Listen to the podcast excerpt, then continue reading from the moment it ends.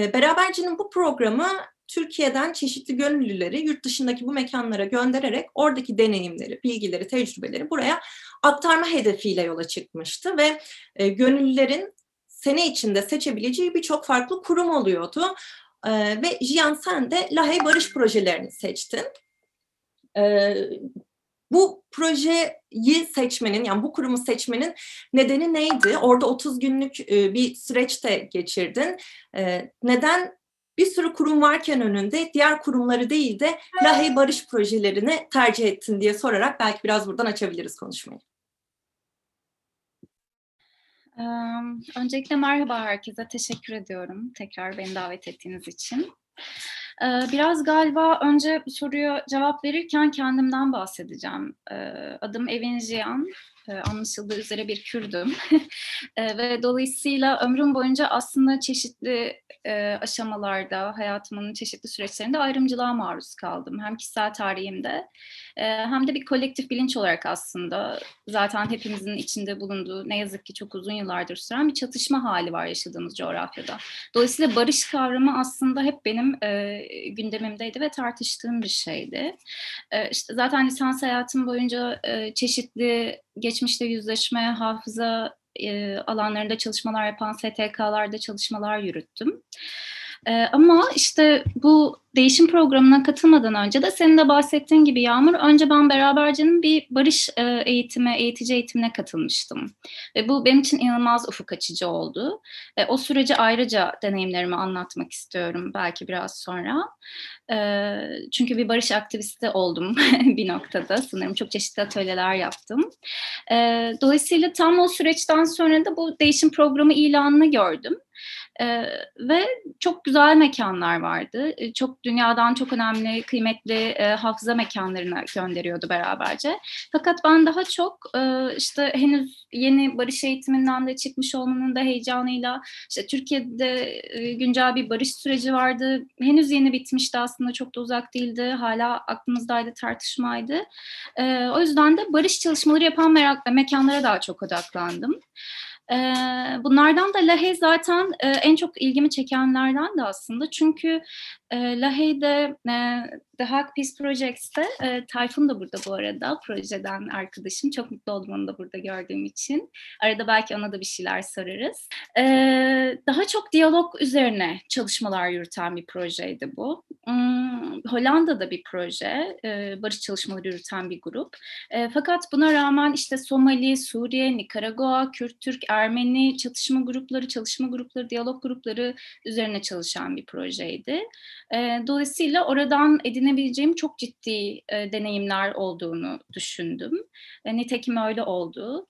E, diyalog kurmak üzerine inanılmaz sonsuz bir kapasiteleri ve e, emekleri var ve müthiş bir sabırları var.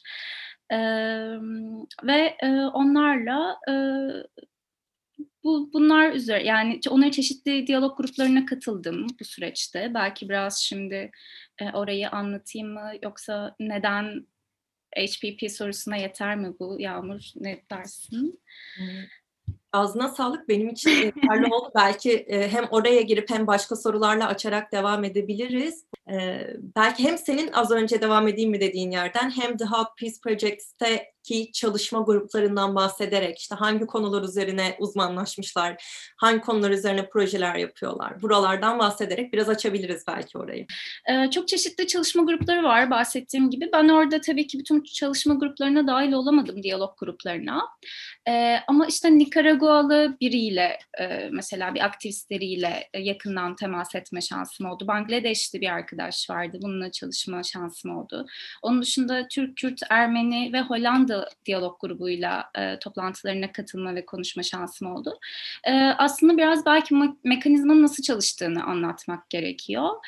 E, bana en çok etkileyici gelen şey hmm, biz Hollanda'dayız ve burada bizim çok daha başka günlük ve buraya dair bu ülkeye dair tırnak içinde sorunlarımız var ve bunları konuşalımın ötesinde aslında işler yürütmeye çalışıyor bu program, bu proje. Ee, işte örneğin çeşitli diasporalar var. Yani çeşitli ülkelerden, backgroundlardan gelen insanlar var, göçmenler var. Fakat işte bu insanların oraya entegre olması ve oradaki insanlarla yaşadıkları problemleri ya da e, entegrasyon süreçlerinden öte kendi komüniteleri içindeki çatışmaları ve bir araya gelememe hallerini de çözmek üzerine diyalog grupları kuruyorlar. Örneğin Kürt e, diasporasının kendi içinde bin tane fraksiyonu var. Türklerin kendi içinde işte Ermenilerin keza öyle. E, ama bir yandan bunların birbirleriyle çelişkileri var. Bir yandan bunların Hollanda'da işte olmak ve orayla çelişkileri var. Bu tip çalışma gruplarıyla aslında diyalog gruplarıyla hem kendi komünitelerine dair sorunları hem birbirleriyle ilgili çelişkileri ve temas edememe halleri hem de işte orada kuracakları yeni yaşama, kurmaya çalıştıkları yeni hayata ve entegrasyon süresi süreciyle ilgili e, tartışmalar yürütüyorlar. Bir diğer nokta da aslında geldikleri yerde yerlerden, ülkelerdeki sorunlar da aslında hepimiz herkesin bagajı kalıyor hayatta. Yani bunu ben e, göçmenlik deneyimi hiç yaşamadım ama hep işte anlatılır. Çokça arkadaşım var.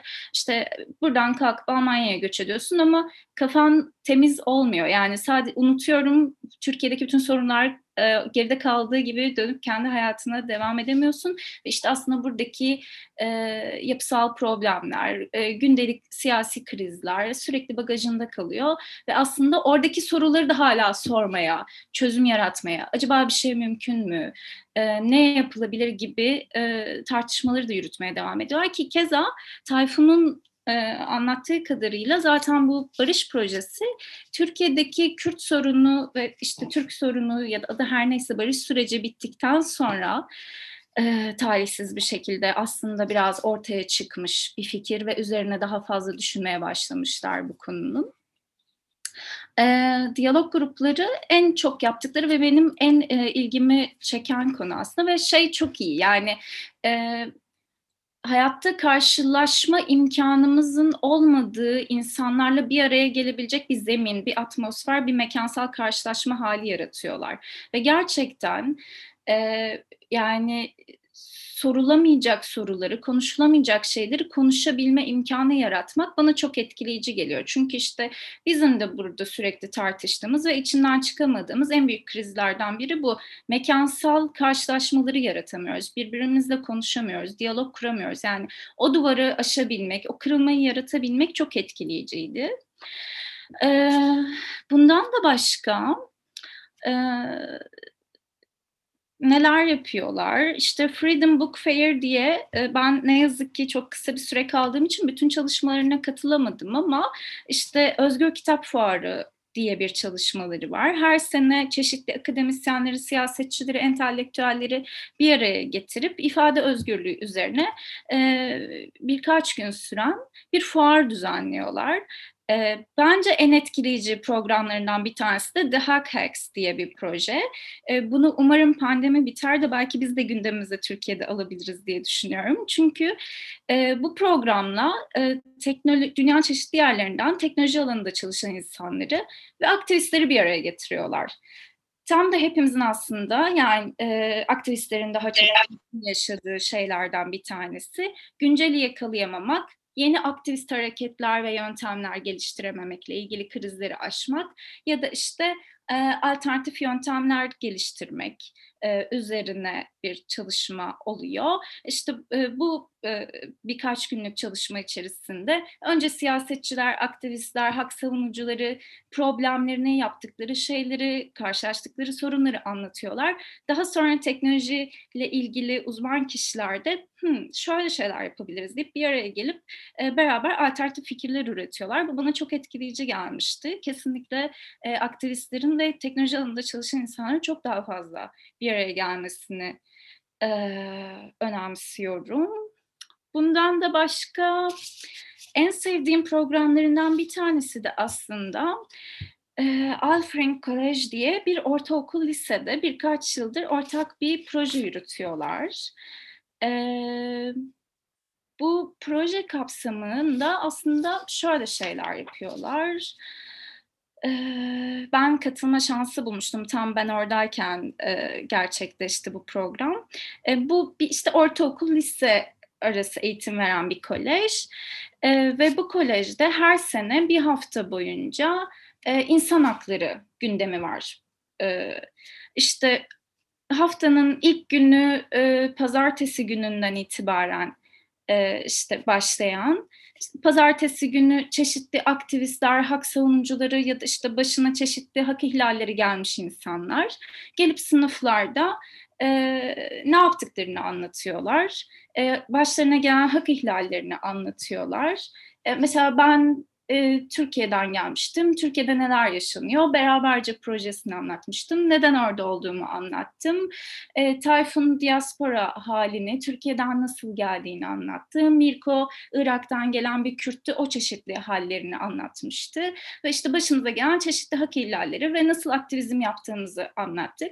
Ve çocuklar da bu esnada aslında şey tartışıyorlar. Yani backgroundlarında e, hocaların önceden dağıttığı Avrupa İnsan Hakları Sözleşmesi'nin maddelerini üzerine düşünüyorlar. Yani anlattıklarımızın o maddelerde nerelere denk gelebileceğini anlamaya, e, ne gibi hak ihlallerine maruz kaldığımızı, bunlara nasıl çözümler bulabileceğimizi falan gibi şeyler üzerine düşünüp sorular sormaya başlıyorlar. Ve inanılmaz e, ilgililerdi. Çok şaşırdım.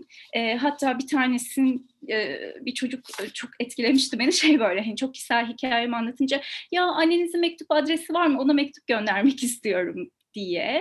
E, hani şey değildi böyle öylesine yapılmış hadi e, bu haftada böyle bir arada bir ders geçsin gibi değil. Çocuklar full fokus ve gerçekten e, işte inandıkları o değer yargıları sisteminin ne olduğunu anlamaya Avrupa İnsan Hakları Mahkemesi var, bir sözleşme var, o sistem içinde yaşıyorlar ve gerçekten bunu öğrenerek yetişiyorlar ve bu böyle e, tabii ki çok etkileyiciydi bence çünkü biz hala ne yazık ki işte e, Avrupa İnsan Hakları Sözleşmesi'ne taraf olsak da e, ahim kararlarının e, uygulanmadığı bir yerde yaşıyoruz ne yazık ki. Ee, ve bu çocuklarda bütün bu hikayelerin üzerine bir hafta boyunca düşünüp, tartışıp e, çeşitli ödevler hazırlıyorlar. Ve bunlar işte sadece sıkıcı makaleler ya da işte ne bileyim e, didaktik yazılmış metinler değil. Kimisi kısa filmler yapıyormuş, kimisi posterler hazırlıyormuş, kimisi şiirler yazıyormuş, edebi metinler yaratıyormuş. Yani bu aslında tam da e, hak nedir, e, savunuculuk nedir, ortak yaşam nedir e, meselesini inşa etmek için bence en en etkili e, yöntemlerden bir tanesi yani çünkü aşağıdan yukarı örgütlenmesi gereken ve tepeden inmeci bir şekilde e, aslında oluşamayacak bir çeşit kültür inşası diyebilirim. E, bu programı e, HPP ile bu kolej birkaç yıldır ortak yürütüyorlar diye şimdilik bir nefes alacağım. E, o zaman e, biraz ben senin blog yazından yola çıkacağım. E, şimdi Beraberce Derneği'nin Hafıza Mekanları Değişim Programı'nda gönüllülük yapan arkadaşlarımız aynı zamanda oradaki deneyimlerini aktardıkları blog yazıları yazmışlardı. E, Jia'nın blog yazısını da Beraberce Derneği'nin sitesine girerek okuyabilirsiniz. Ben o yazının satır aralarından da bazı sorular hazırladım, merak ettiklerimi derledim.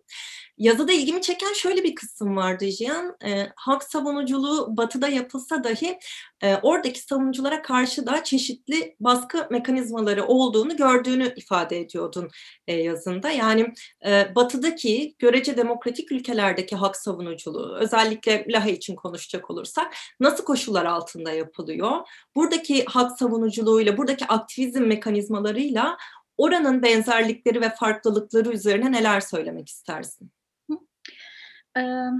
Başta biraz şeyi de eksik anlattım galiba zaten. Şimdi hatırladım. Neden Lahey meselesini. Ben burada insan hakları hukuku yüksek lisans programıma da devam ediyorum. dolayısıyla işte uluslararası ceza hukuku, ICC, İnsan Hakları Mahkemesi gibi mekanizmalar da çok ilgimi çekiyor. Yani Lahey'de bir çeşit aslında Uluslararası Ceza Mahkemesi orada bulunuyor ve işte hak savunucularının da aslında bir çeşit merkezi bu sebeple. Orada bütün dünyayı ilgilendiren çok önemli uluslararası davalar zaman zaman görülüyor. bir sebebi de buydu bu arada tercih etmemin. Ee, soruyu şey yaptım şu an kafamda aldı bunu anlatırken. Biraz tekrar üstünden geçeyim mi soruyu açayım mı biraz daha? Şey, evet ya şey kafam dağıldı pardon. Şeyden bu blog yazında bahsettiğin e, hak savunucularının aslında her yerde çeşitli baskı evet. mekanizmaları altında ezilmesi meselesiydi ve bu nasıl bir hak savunuculuğu görüyoruz orada ve burada ve belki de başka aklına gelen örnek yerlerde benzerlikleri ve farklılıkları üstüne. Ya şey evet yani tam da bu yüzden de e, aslında bahsettim ICC'nin orada olması e, o yüzden e, önemli bir noktaydı. E, çünkü e, ya bu soru aslında büyük bir soru. Yani buna cevap verebilecek kadar e, Batı ülkelerinde yaşamadım. Ama gözlemlediğim kadarıyla orada tam da gittiğimde e, The Hack Peace Project'ten bir arkadaş spesifik olarak bu konu üzerine çalışıyordu. Hak savunucularını nasıl daha fazla koruyabiliriz ile ilgili bir e, rapor hazırlıyordu. Ben de ona eşlik etmiştim çeşitli görüşmelerinde. E, yani aslında e, bir bakıma orada tartışılan level hak savunucularının e, güvenliğiyle ilgili ve buradaki farklı çünkü e, orada işte blog yazımda da yazmıştım. Çok fazla kişisel bilgilerine de girmek istemediğim için insanların detay veremiyorum ama e, işte çok önemli bir savaş suçuyla ilgili uluslararası bir dava görülecek. E, orada şahit olacak kişi işte ya da avukatlık yapacak, savunuculuk yapacak kişi çok ciddi tehditler alabiliyor. Başına e, çok siber suçlar bir şeyler gelebiliyor. E, ve aslında şaşırtıcı olan kısmı evet yani belki bu çok şey yani hani çok batıcı bir bakış açısı ama hani Avrupa'da nasıl bu insanlar korunmaz? Bu kadar kolay mı? Avrupa'nın göbeğinde insanları tehdit etmek gibi böyle saçma bir e, fikir, his geliyor. E, ama tabii ki öyle değil. Yine de Orta Doğu'da yaşıyoruz. Yani tabii ki burada bir hak savunucusu olmak çok çok daha zor e, ağzımızı açıp herhangi bir eleştirel fikir sunduğumuzda ne yazık ki çok fazla insan şu an hala cezaevlerinde. Yani Türkiye nüfusu oranla hapsedilmiş insan sayısı çok yüksek ülkelerden bir tanesi. E, kıyaslanabilir gibi değil açıkçası. Yani işte 90'lar boyunca zorla kaybetmeler ren olduğu bir coğrafyadan bahsediyoruz. O yüzden evet zorlukları var anladığım ve gözlemlediğim kadarıyla ama çok da belki kıyaslamamak. Yani her coğrafyanın ve sistemin kendi özgün koşullarına göre değerlendirmek gerekiyor sanırım yine de şeyi duymak yani oradaki bir mahkemede ifade verecek olan, tanıklık yapacak olan ya da hak savunucu avukatlık yapacak olan bir insanın e, tehdit aldığını duymak e, ki tam da bu, bu buranın merkezinden bahsederken yani e, ilginç geliyor bana da. Yani insan hakları savunucularının insan haklarını savunmanın da ne kadar hala evrensel bir mesele olduğunu gösteriyor bir anlamda bu söylediklerim. Hı hı. Teşekkür ederim. Rica ederim. Ya bir de yani şöyle şeyler e, orada çok büyük case'ler görülüyor. Yani bir devlet bir devlet yöneticisi falan yani ya da çok önemli askeri bir komutan bir şey falan hani çok önemli savaş suçları ile ilgili e, kişiler ve kurumlar yargılanabiliyor. E, dolayısıyla oradaki koruma mekanizmaları muhtemelen çok daha farklı tartışılıyordur. Tartışılmalı ya da bunun için zaten mücadele ediyordu projedeki arkadaşımız. Biraz da şimdi oradaki ırkçılık ve ırkçılık karşıtı mücadelelere değinerek yol açabiliriz belki diye düşünüyorum. Yine blog yazında okuduğum kadarıyla her türlü ırkçılığa ve ayrımcılığa karşı mücadele eden 21 Mart Komitesi'nin ırkçılığa karşı organize ettiği bir konferansa katılmışsın. Hem bu komiteden hem de bu konferanstaki deneyimlerinden bahsedebilir misin? Belki bu deneyimleri anlatırken aynı zamanda oradaki ırkçılığın nasıl kurulduğuna dair de bir şeyler söyleyebilirsin. Yani oradaki öteki nasıl yaratılıyor? Orada barış içinde yaşamanın imkanları, ırkçılık karşıtı politikalar nasıl üretiliyor? Sivil toplumun ve siyasi partilerin bu anlamda oradaki rolü ne? E, gibi belki biraz buralardan açarak ilerleyebiliriz. Um, evet, yani e, orada sadece bir konferansa katılmadım. Um, e, yani bu şey 21 Mart komitesinin organize ettiği başka toplantıları da katılmıştım. Tayfun'la beraber hatta ilk toplantıya katılmıştık. Hemen gittiğim ilk hafta falan da sanırım. E, 21 Mart'a doğru giderken şöyle bir şey yapıyorlar. E, 21 Mart komitesini önce belki anlatmak lazım. 21 Mart Komitesi diye bir komite var Hollanda'da e, ve bu komitenin altında işte anti ırkçı gruplar, sendikalar, e, sol sosyalist e, siyasi partiler, örgütler, e, işte göçmen dernekleri, STK'lar, e, komüniteler e, örgütleniyor. Bu bir aslında çatı mekanizma gibi bir şey.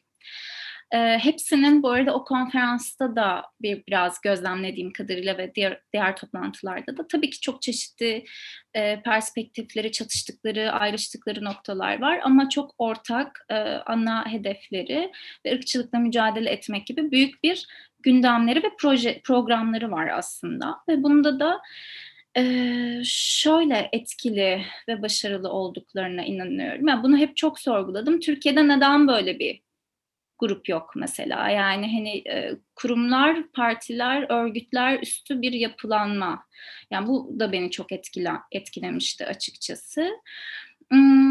21 Mart'ta her sene 21 Mart haftasında işte çeşitli paneller, sergiler, toplantılar, yürüyüşler, etkinlikler yapıyorlar. Irkçılık ve ayrımcılığa karşı mücadeleye dair farkındalık yaratmak, işte e, mücadele etmek için e, benim gittiğim senede ön hazırlık toplantıları başlamıştı. İşte kocaman bir salonda e, küçük yuvarlak masa toplantıları gruplar halinde e, o senenin programını nasıl oluşturulacağına dair oldukça e, katılımcı bir süreç yürütüyorlardı. İşte çeşitli ortak gündemler, işte bu sene neleri konuşmak istiyoruz, neleri ön plana çıkarmak istiyoruz diye önce bir tartışıldı.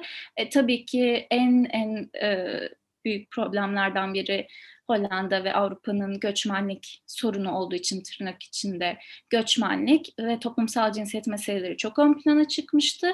Bundan sonra da işte bu bunların alt başlıkları kimlerle konuşabiliriz, nasıl yapabiliriz yani bu da şu yüzden bence çok etkileyici. Türkiye'deki bütün bu hani organizasyon süreçlerini çok yine tepeden inmeci aslında yapıyoruz hepimiz. İşte bir komite ya da bir şey bir grup çıkıyor.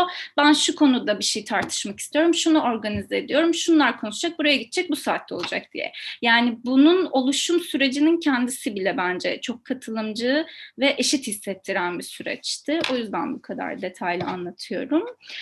Ee, daha sonra da e, bir konferanslarına da katıldım. Ee, orada da şey tabii biraz ilginç bir gözlem. Yani muhtemelen arkadaşlarıma da söylemiştim. yani Hollanda'nın en eski, yani yaşlılıkta yapmak istemiyorum ama yaşı en ileri komünist amcaları ve teyzeleri daha çok gelmişti tontiş tontiş. Gençler vardı ama biraz daha azınlıktaydılar. Yani çünkü mesela şey bilgisi de beni çok şok etmişti açıkçası. Genç nüfus ya da sanırım ilk kez oy verecek olan insanlar genelde sağ tandanslı partilere oy veriyormuş Hollanda'da ve bu çok problematik ve korkunç bir şeydi benim için ve onlar da bunu tartışıyorlardı. Yani en büyük gündemlerinden bir tanesi zaten.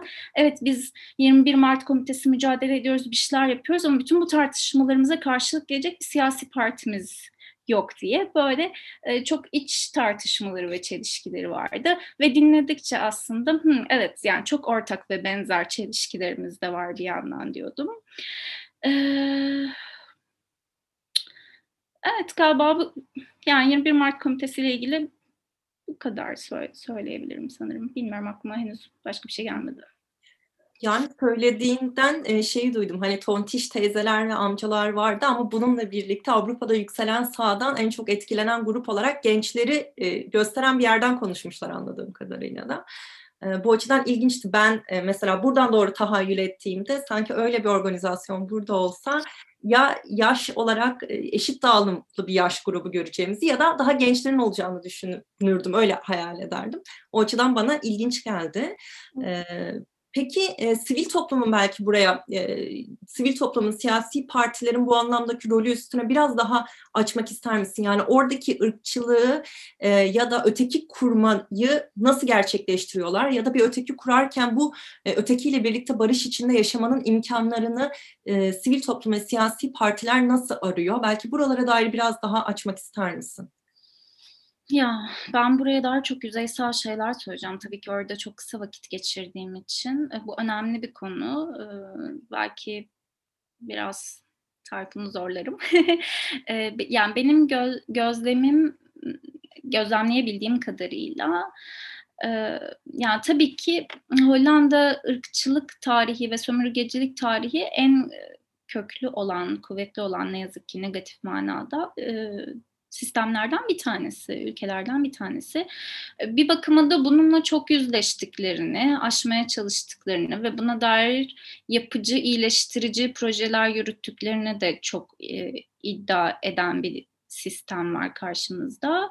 E, fakat ama e, mesela beni en şok eden ve çok manasız gelen her sene hala yaptıkları şey Zvartapit diye bir mesele var. E, bu da şey e, sanıyorum Santa'nın yanındaki kişilerden bir tanesini siyah olarak mı? Tayfun tam hikayeyi hatırlayamıyorum. Belki hatırlatırsın bana. Ee, ya böyle ırkçılıkla bağdaşan bir background'u var. Ve işte beyaz insanlar hala 5 Aralık'tı sanırım hatırladığım kadarıyla tarihi. Yüzlerini siyaha boyayıp sokaklarda gülüp ve bunu böyle bir ırkçılık motivasyonu olarak her sene yeniden sergiliyorlar. Ve işte Zwartop is a Racism diye mücadele eden siyah bir aktivist de tutuklanabiliyor filan yani hani bu benim için çok dehşet bir şeydi. Yani işte sen sömürgecilik tarihinle, ırkçılığınla barıştığını, yüzleştiğini, iyileştirmeye çalıştığını iddia ediyorsun.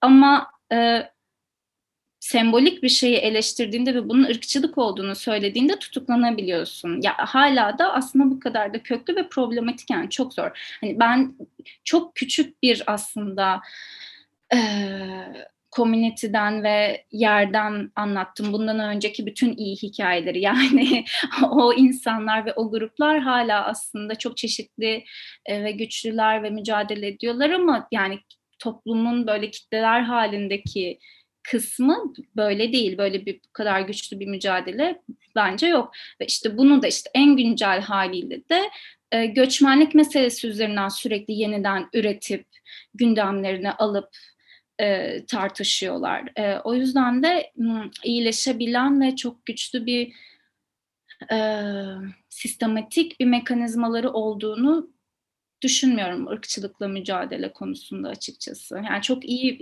güçlü pratikleri yok siyasi partilerin belki diyebilirim ya da devlet mekanizmalarının. Sen ne dersin Tayfun? Bence burada bir şeyler söyleyebilirsin.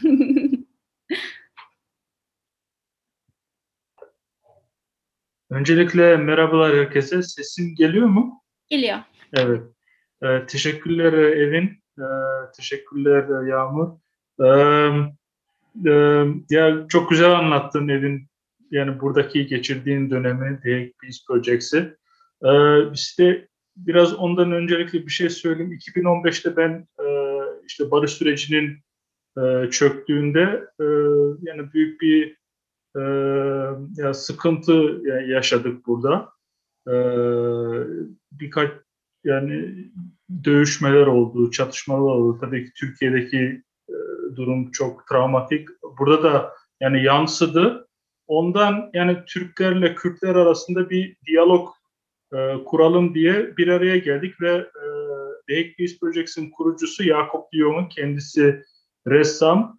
Onu 2011'den beri tanıyorum. Orada Justice and Peace diye bir başka e, Lahey'de bir insan hakları örgütü vardı. Orada bir iki seneni bir deneyimim oldu. Ondan sonra o kontağı bırakmadım. Onu, yani irtibatı bırakmadım.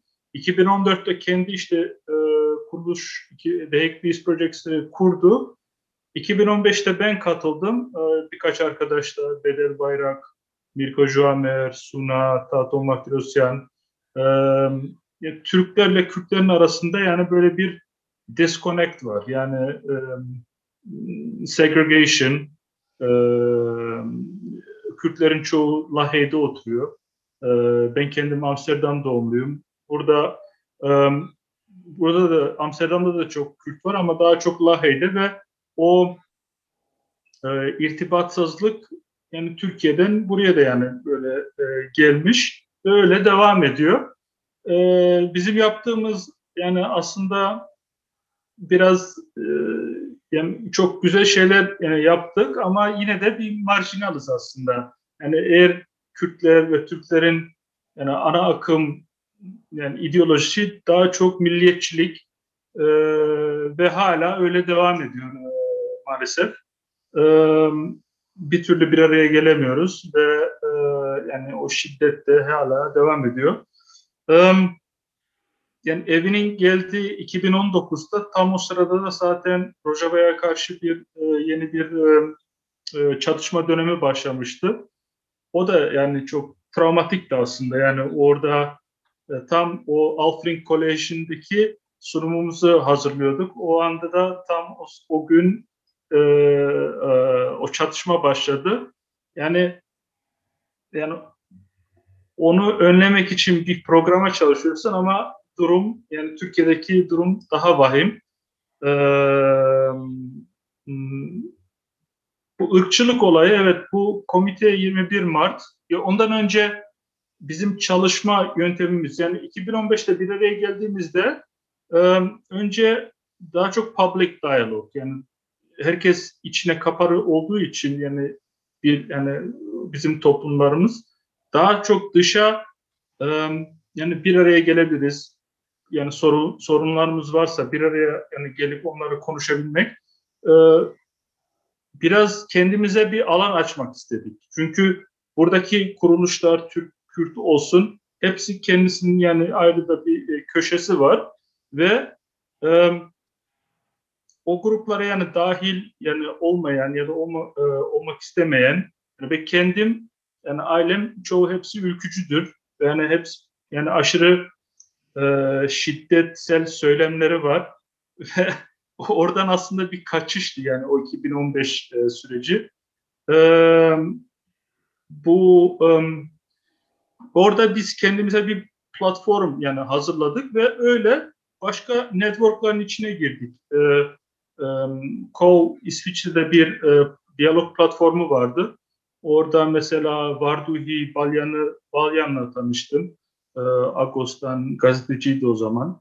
E, öyle başka networkların içine girdik ve en sonunda yani beraberce programı da tanıştık 2019'da ve hmm, yani çalışma yöntemimiz bir grup olarak bir araya geliyoruz.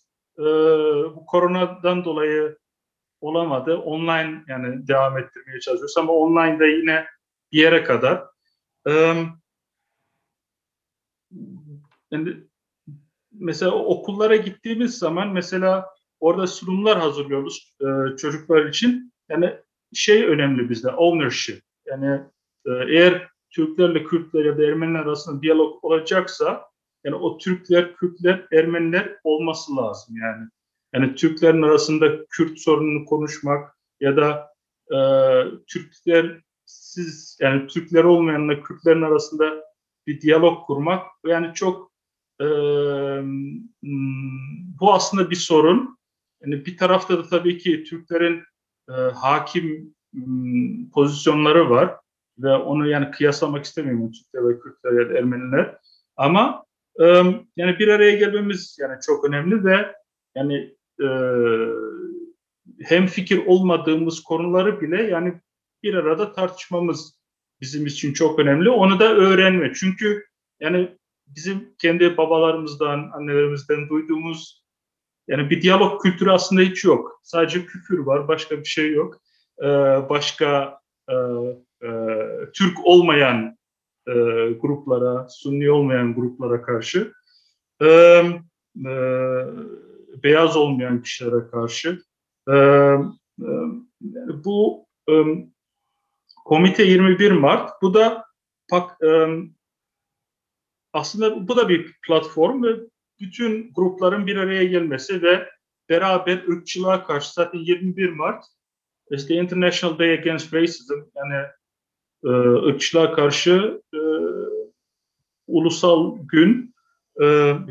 Tam olarak çeviremedim de ama e, e, orada yani yürüyüşler organize ediliyor ve e, 20 e, o ilk e, çalıştayında Evin vardı. Ondan sonra Beraberce programından ikinci katılımcı vardı Mustafa. O da bir başka çalıştayına katıldı. Aslında o çalıştayda bir e, e, kendimize aslında bir e, hani e, bir bir program aslında biz kendimize e, oradan bir yer aldık, bir yer kaptık ve bu da Kürt sorununa ilgili. Çünkü Hollanda'da e, mesela Filistin sorunu daha prioritize oluyor ve e, Kürt sorunu aslında biraz yani buradaki Türk e, grupları daha e, e, güçlü olduğu için ona pek fazla e, dokunmak istemiyorlar.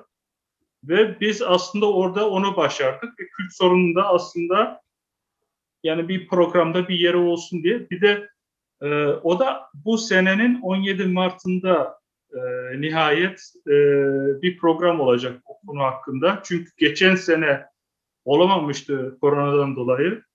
Hepsi bir sene olarak ertelendi. 2021'inde 17 Mart'ta ya konu da e, e, Türk, e, Kürt ve Filistin sorunu bu e, sorunların içindeki e, e, e solidarity yani e, bir tarafı tuttuğun zaman hemen öbür tarafa e, bir karşı bir tutum olmaması gerekiyor ama durum böyle. Yani mesela Türkiye Filistinleri e, e, destekliyor.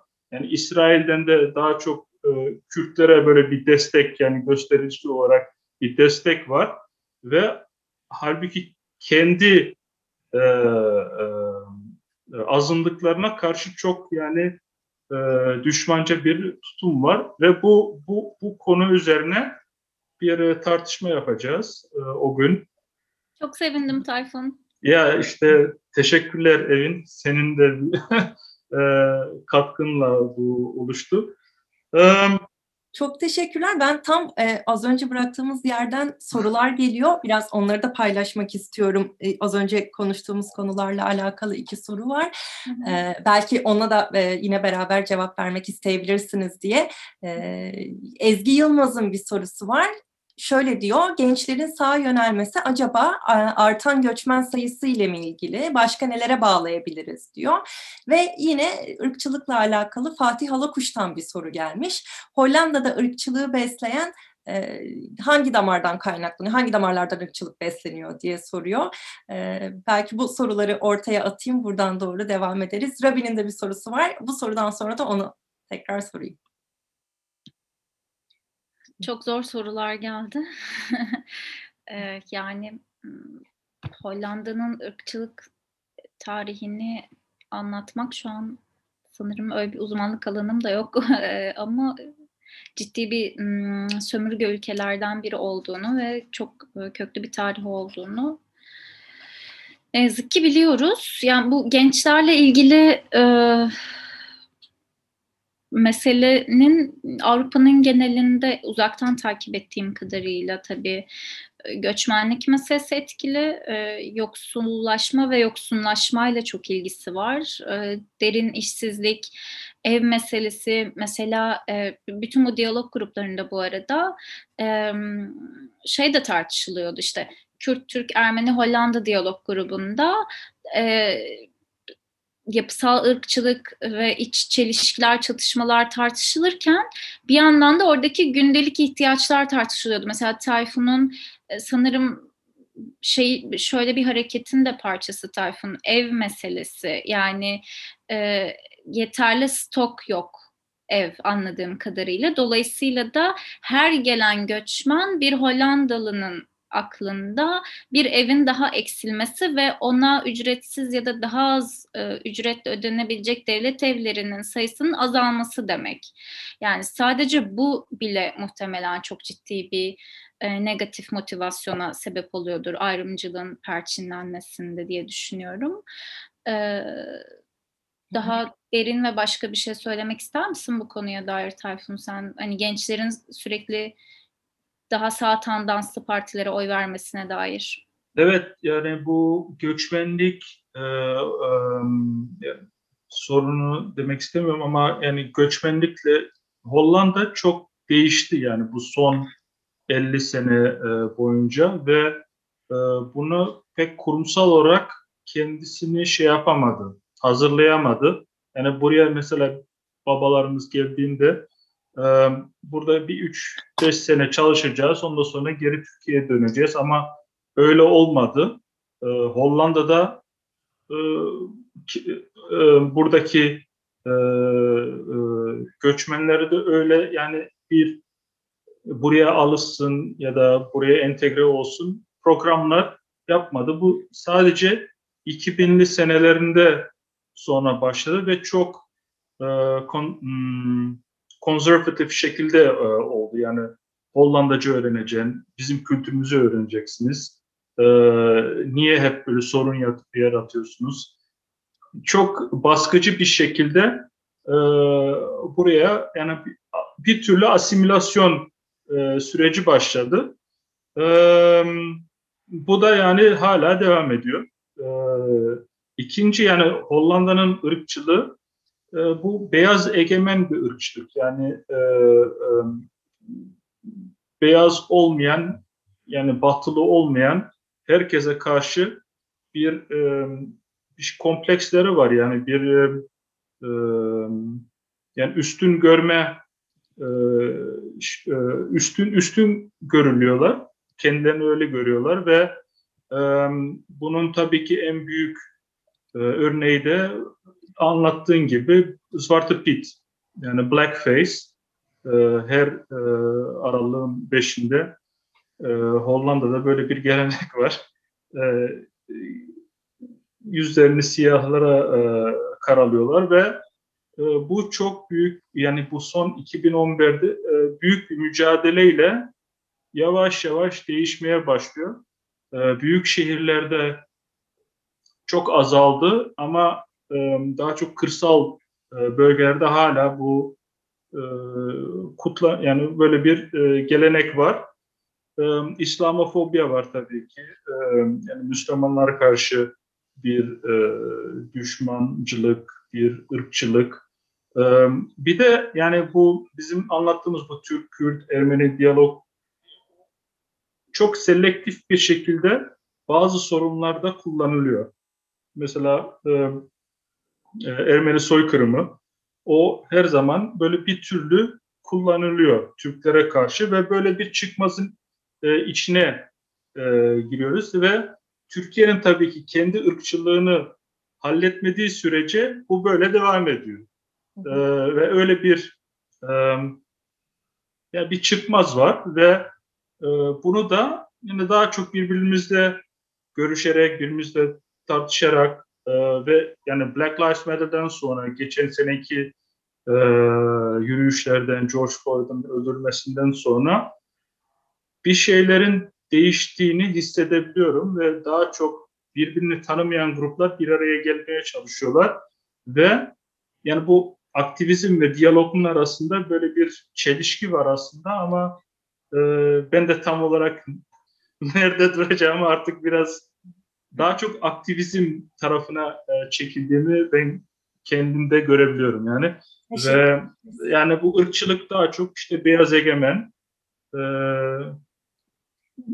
umarım yanıtlayabilmişimdir soruyu. Çok teşekkürler. Ağzınıza sağlık. Rabi şöyle soruyor. E, evinin kendi yaptığı barış eğitimlerinde kullandığı yöntemleri merak ettim nasıl etkinlikler kurguluyor ve bunun dönüşleri nasıl Türkiye deneyimlerini de paylaşmak ister mi diye sormuş. Sonra e, Şirin Seçkin bir katkıda ve bir soruda bulunmuş. Şirin Seçkin'in katkısını da okuyorum. Ee, ben de Sırbistan'da bir etkinliğe katıldım. Evinin gittiği eğitim içeriğine benzerdi ve ben bu, bu gibi eğitimlerin yani barış eğitimlerinin neden Mezopotamya'da da yapılmadığını merak ediyorum diyor. Bence bizim de ihtiyacımız var diye ekliyor. Ben de içerisinde olmak istediğim yurt dışından da insanların gelmesi gereken bir etkinlik neden olmasın? Bunu neden düzenleyemeyelim diye soruyor. Barışı yeniden insanları da dahil ederek kurmak üstünden soruyor bu sorusunu, katkısını yapıyor. Bir de Yine belki bununla beraber düşünebileceğimiz bir katkı da Ümit Deniz'den gelmiş. Onu da eklemek istiyorum. Ümit de merhaba Evinjiyan. Hollanda deneyiminden sonra barış kültürünün inşasına yönelik sende yeni diyebileceğimiz fikirler oluştu mu diye soruyor ya da hangi fikirler oluştu diye oradaki deneyiminin ardından oluşan fikirleri merak ediyor. Belki bunların hepsinden yola çıkarak hem e, berabercedeki barış eğitimini hem bu barış eğitimlerinde senin kullandığın metotları hem senin barış eğitimi gerçekleştirdiğin toplumsal gruplara anlatarak ilerleyebiliriz. Evet, en heyecanlı kısma geldik. evet, yani şeyi anlatayım biraz önce. Beraberce Derneği'nin organizasyonuyla aldığım barış eğitimi aslında eğitici eğitimini Montesole diye İtalya'nın küçük bir kasabasındaki bir barış okulunun aslında sanıyorum neredeyse 40 yıldır belki de daha fazla var olan bir barış okulunun iki tane çok güzel aktivisti ve eğitmeni gelip vermişti. Bu insanlar çok uzun yıllardır dünyanın çok çeşitli yerlerinde bu eğitimleri veriyorlar ve aktivizm, barış aktivizmini yürütüyorlar. Onların bütün metotlarını tabii ki o kısa süreçte eğitimde alma ve her şeyi öğrenme şansımız olmadı ama o kısacık zamanda bile öğrendiğim inanılmaz şeyler oldu. Ve evet yani o arada gelen Mezopotamya'da neden olmuyor meselesini ben de bütün o barış e, eğitimi süresince sordum. Ya bu kadar çok herhalde e, hem siyasette hem gündelik dilde, e, medyada, her yerde barış kelimesini kullanıp e, ama barışın inşasına dair e, bu kadar az aksiyon alan nadir toplumlardan biriyiz herhalde. Ya evet çeşitli kurumlar, Barış Vakfı, Barış Etkinlikleri, işte Beraberce gibi çok kıymetli bir sürü dernek çeşitli çalışmalar yürütmeye çalışıyor. Ama gerçekten Türkiye'de neden bir barış okulu yok diye ben de sürekli sordum ve uzun vadedeki hayalim bu. Belki ortaklaşırız birileriyle bu hayallerde. Çünkü yani o eğitim süresince biraz onların şeyini anlatmak lazım belki. Barış okullarında işte eğitmenler, pedagoglar, psikologlar, hukukçular, tarihçiler, aktivistler falan gibi yani çok çeşitli backgroundlara sahip insanlar bir araya gelip çok uzun yıllar içerisinde üzerine uzun uzun düşünüp çeşitli gruplar, diverse gruplara dair metotlar geliştiriyorlar. Yani bir tane hap yok herkese uygulanan. Ee, işte çocuklar için ayrı, ergenler için ayrı, yetişkinler için ayrı, yaşlılar için ayrı, çok aşırı çatışmalı grupları bir araya getirmek için bambaşka çok çeşitli katmanlarda e, eğitim teknikleri, modülleri, e, diyalog teknikleri aslında geliştiriyorlar. Ve bizim de aslında e, tabii ki yani onlardan öğrendiğim katkısı olan çok fazla şey var. Fakat bunun yerelleşmesi, yerelden bunun gündelik ihtiyaçlarımıza ve yerel ihtiyaçlarımıza göre yeniden şekillenmesi, e, yeniden üretilmesi gerektiğine inanıyorum. E, bunun için biraz belki e, biraz e, yeni bir platform, yeni tartışmaların olacağı e, bir bir zemin gerekiyor. Bunu ben tek başıma ne yazık ki yapamam. E, fakat işte yine de o eğitimden edindiğim e, çok keyifli tecrübeler ve bilgilerle Türkiye'nin böyle birkaç yerinde tam da pandemi öncesinde başlamıştım. Atölyeler yaptım. Çok da heyecanlıydım. Ee, inanılmaz keyif aldım. Ee, çünkü e, barışın evet yani siyaseten tartışılması e, baş, yani çok üst mekanizmalarda konuşulması başka bir şey ama barışın ben aşağıdan yukarıya inşa edilmesi gerektiğini bütün toplumun her katmanında tartışılması ve konuşulması ve çok uzun erimlerde mücadele edilmesi gereken çok kapsamlı büyük bir şey olduğuna inanıyorum. Sadece o atölyede bile işte 20 kişiydik sanırım. Her birimizin barıştan anladığı şey bile çok farklıydı. Dolayısıyla sadece barış kelimesinin bizdeki refleksi, barış dediğimizde ne bekliyoruz diye tartışmamız, konuşmamız bile aslında e, çok kıymetliydi. E, işte ama bu atölyelerde yine de şöyle şeyler başıma geldi. Bir tanesini mesela Datça'da yaptım. E, geçen sene tam kapanmadan önce Mart'ın başıydı. E, yaş ortalaması yine ileri insanların katıldığı bir atölyeydi. Ama inanılmaz keyif aldım. E, ve şey işte CHP'li teyzeler, işte biraz daha sağ tandanslı amcalar, HDP'li orta yaşlı genç insanlar falan gibi hani bunları e, biraz senin o atmosferi canlandırmak için e, söylüyorum. Ve bunlar aslında işte 30 yıldır, 40, 40 yıldır, 20 yıldır yani çok uzun yıllar aynı mahallede. Küçük bir kasaba orası.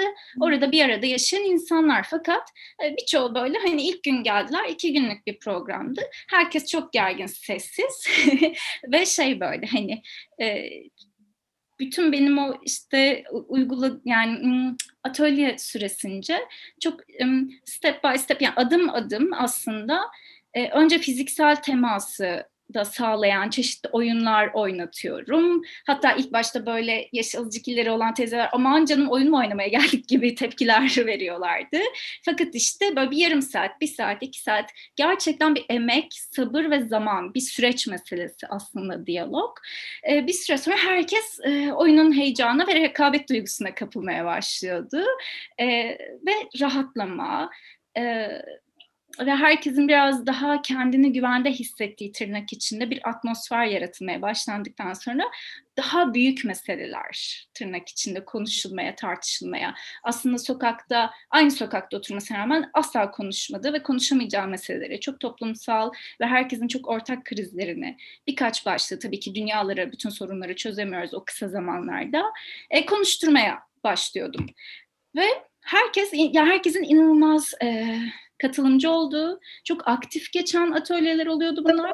E, atölyedeki süreçlere dair çok detay vermiyorum çünkü bunları yapmaya devam edeceğim. Umarım bir noktada pandemi bitecek ve belki buradan katılanlar olur, kopya çekmeyin diye.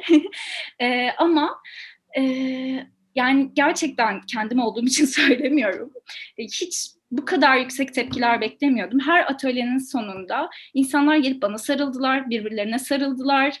Ya biz seni çok sevdik, biz birbirimizi çok sevdik biz tanımıyormuşuz birbirimizi, nasıl merhaba dememişiz, nasıl konuşmamışız falan hala yani inanılmaz etkilendiğim atmosfer ve anlar yaşandı. E, çünkü aslında bu tam da şey yani hani karşılaşma mekanları yaratmaya ihtiyacımız var. Gerçekten sakin olmaya, birbirimizi duymaya, dinlemeye, konuşabilecek mekanların yaratılmasına ihtiyacımız var. Bunu işte siyasi parti programlarına sadece barışı kelime olarak koymak kıymetlidir belki bunun başka bir e, alanda mücadelesini yürütmek ama gerçekten somut ve pratikte toplumun her kademesinde, her kat, katmanında insanlarla konuşabilme imkanı yaratabilmek inanılmaz etkileyici ve bana çok sağaltıcı bir etkisi vardı. Yani çok ciddi üstümde ilk gücü de var aslında. Her seferinde şey olmuyorum böyle sıkılmıyorum. Aman ya bu insanlar da aynı şeyi... Hayır ya her seferinde yeni cevaplar, yeni ufuklar açılıyor. Herkes birbirinden yeni şeyler öğreniyor. Ben her seferinde yeni şeyler öğreniyorum. Daha yolun çok başındayım. Bu konuda çok daha fazla eğitim almak üzerine düşünmek, insanlarla tartışmak istiyorum. Bunun için de çabalıyorum zaten. Yani barış kültürünün inşası için yeni fikirler, Oh, ya bunlar zaten yeterince yeni şeyler bence bizim için. Biz bunları hiç denemedik.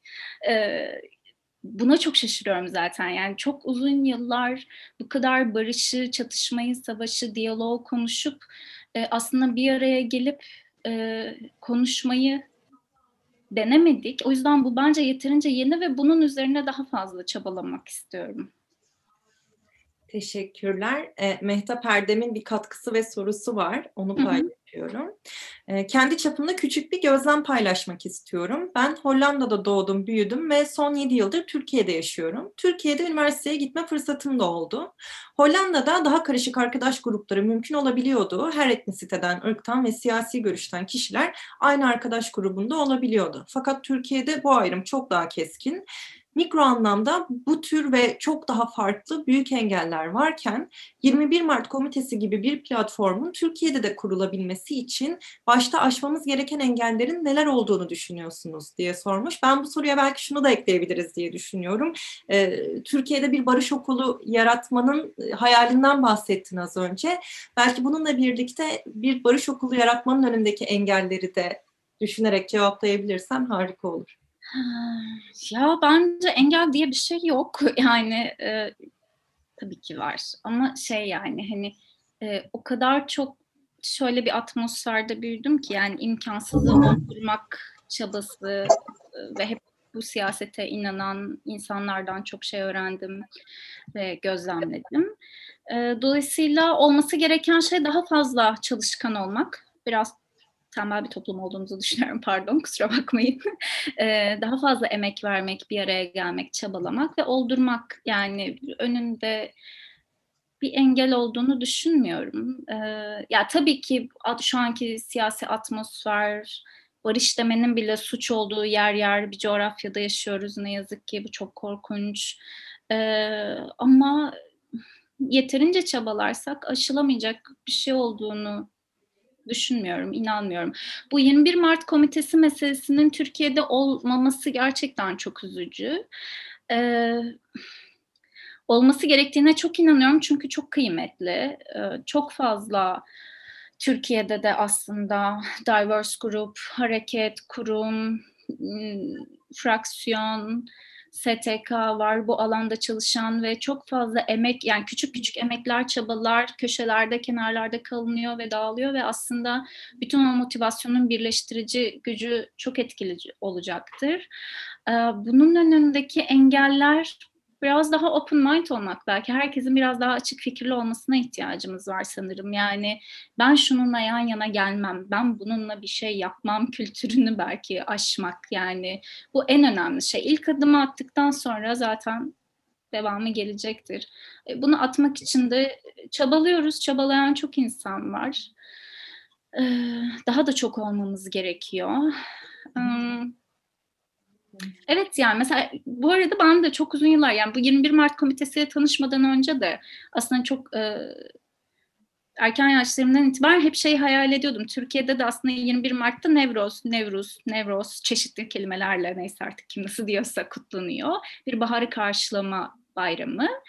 E, ve bu neden aslında bir haftaya yayılan çeşitli buluşmaların olduğu bir e, karnaval bir şekilde haline gelmiyor diye hep sorguluyordum önünde sonrasında. Belki Türkiye'de de bir 21 Mart komitesi olabilir. Bunun zaten kültürel ve siyasal background'u da var.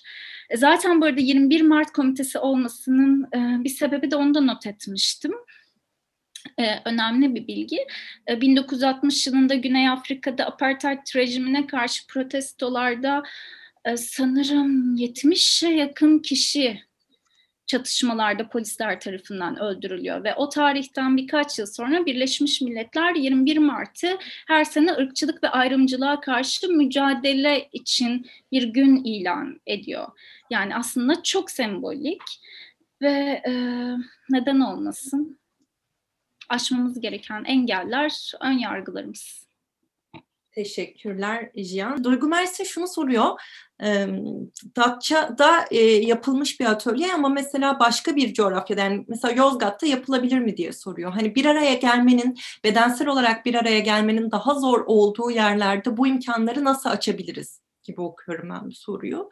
Ezgi Yılmaz da e, sorudan ziyade bir katkı e, veya bir noktaya dikkat çekmek istiyorum diyor ortak mekanlara ihtiyacımız olduğunu konuşuyoruz aslında ve maalesef bulunduğumuz kentler parçalara ayrılmış. Çoğunlukla sınıfsal olarak ve yer yerde etnisite ve mezhebe göre bölgelere ayrılıyoruz ve hatta kapatılıyoruz.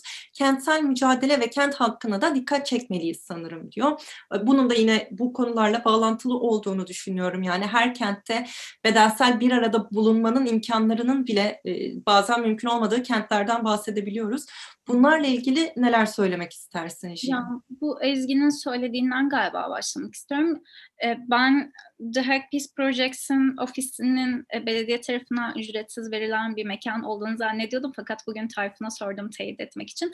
Tam olarak öyle değilmiş ama bir belediye mekanıymış. Şehrin e, bence nispeten merkezinde de olan bir ofis olmasına rağmen e, fakat daha uygun ücretlerle kiralanmış bir ofis.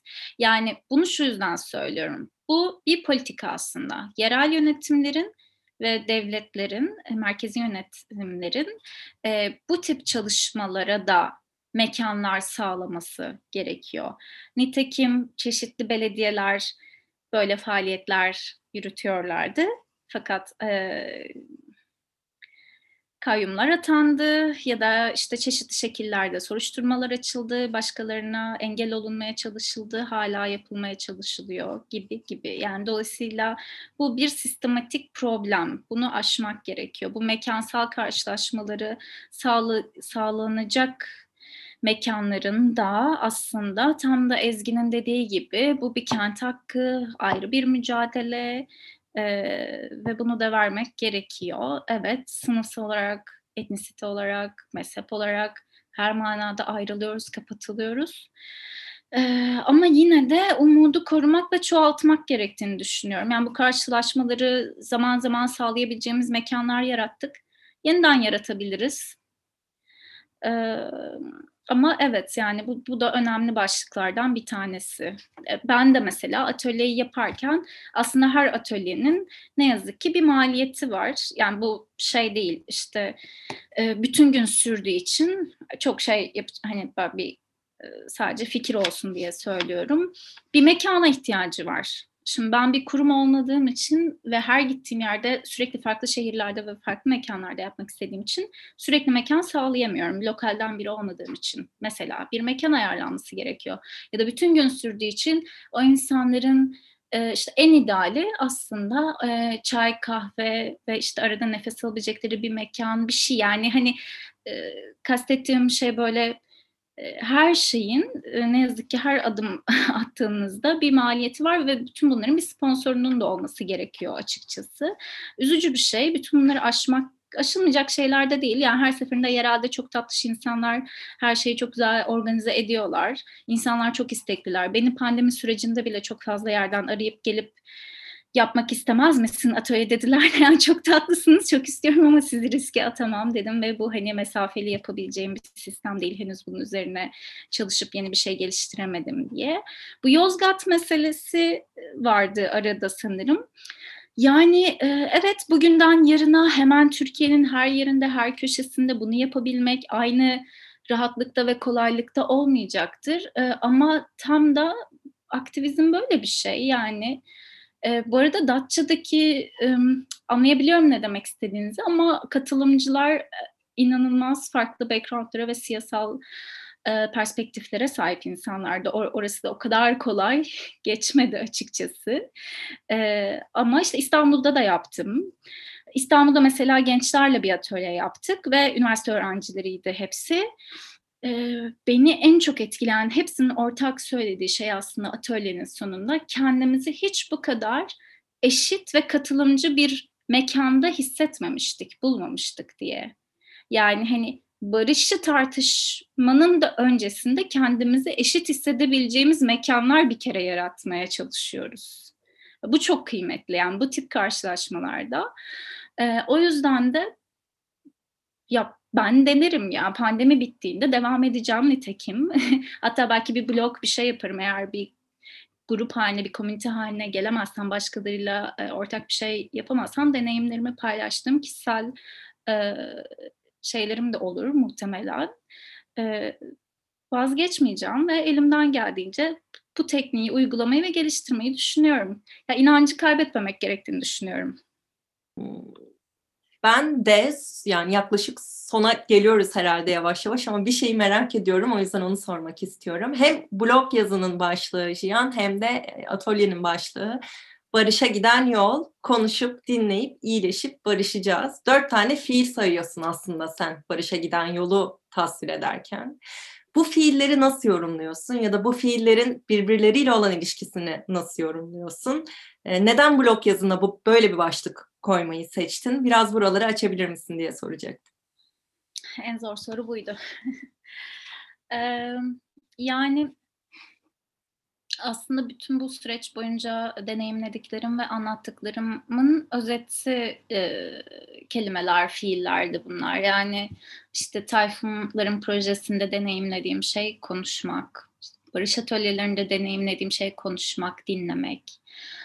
Barış eğitimimizde yaptığımız şey iyileşmek üzerine çok ciddi tartışmalar yürütmek ve asla bir cevabının oluşmaması ee, iyileşebilecek miyiz? İyileşmek kavramı çok zor. Barıştan beklentilerimiz çok zor. Ee, hepimizin çok farklı. Ee, ama galiba biraz şöyle kişisel bir şeyle belki bağlamam gerekiyor burayı. Ee, ben faili meçhullük kavramını idrak ettiğimde 5 ya da 6 yaşındaydım. Çünkü şöyleydi işte annem babam gazeteciydi. E, ben de işte ikisi de çok çalıştığı için sürekli onlarla gazeteye giden ve orada büyüyen bir çocuktum. Ee, ve işte böyle yazı işleri, toplantıları, haber aralarında işte bir sürü gazeteci tatlı tatlı abiler, ablalar benimle işte oyun oynarlardı, resim yaparlardı, bana bir şeker verirlerdi falan. Ee, bir süre sonra mesela bazı abilerin, ablaların gelmediğini fark ediyordum. Bir şekilde merak ediyordum nerede bu insanlar diye. Benim için çok şeydi böyle hani çocuklar anlamazlar derler de böyle böyle bir şey yok. Bütün çocuklar anlarlar, çok iyi gözlemlerler, kendi dünyalarında kurarlar. Ve bir süre sonra abilerin, ablaların fotoğrafları masalara konulur, duvarlara asılırdı. Ve ben bunun kendi içimde bir şekilde kavramsallaştırıp anlamaya, anlamlandırmaya çalışıyordum. Evet artık gelmeyecekler diye. Ee, çok daha fazlalarını yaşayan bu toplumda çok fazla insan var. Fakat bunu anlatmamdaki sebep tam da işte yetişkin olduğum yerden o 5 yaşındaki 6 yaşındaki çocuğa baktığımda bir çocuk bu krizi, bu stresi, bu kayıpları böyle yaşamamalı ve bunların hiçbiri bir daha olmamalı. Aslında Türkiye'deki en güzel 21 Mart komitesi gibi bir komite kurulursa herhalde en kapsayıcı slogan ve benim de en sevdiğim şey bir daha asla olacaktır. Bunun manası, bunun yükü çok büyük. Çok kuvvetli bir slogan e, ama bütün bu yaptığım her şeyde aslında kendimce bu yola taş koyabilmek, küçücük de olsa bir katkı sunabilmek hem kişisel tarihim açısından hem de bu toplum toplumsal tarihimiz açısından bir daha asla diyebilmek için yapıyorum. O yüzden de bunun için konuşmanın çok önemli olduğunu, konuşurken birbirimizi dinleyebilmenin çok önemli olduğunu ve bu mekanı, bu e, algıyı, bu fiilleri gerçekten hayata geçirebilecek atmosferler yaratmamız gerektiğine inanıyorum. Ve zaman içerisinde kim bilir belki dinledikçe anlayıp birbirimizi iyileştireceğiz. Belki iyileşeceğiz, belki iyileşemeyeceğiz. Belki hiç anlayamayacağız. Ama bir noktada o barış buraya gelecek. Yani bu kavramların hepsi çok büyük kavramlar çok duygusal, çok da politik kavramlar. E, hepimiz için çok daha güçlü ve bambaşka manaları var. E, ama bunları düşünmekten ve bunlar için mücadele etmekten ve bunlara inanmaktan vazgeçmemek gerektiğini düşünüyorum. Çünkü yani çok fazla şey kaybeden insan var. E, buna rağmen hiç vazgeçmeyen de çok insan var. Bu, bu, bu bana çok güç veriyor. Teşekkürler. Teşekkürler Cihan. E, diyeyim ve herkese tekrar çok teşekkür ederek iyi akşamlar diliyorum. İyi akşamlar. İyi akşamlar. Bye bye.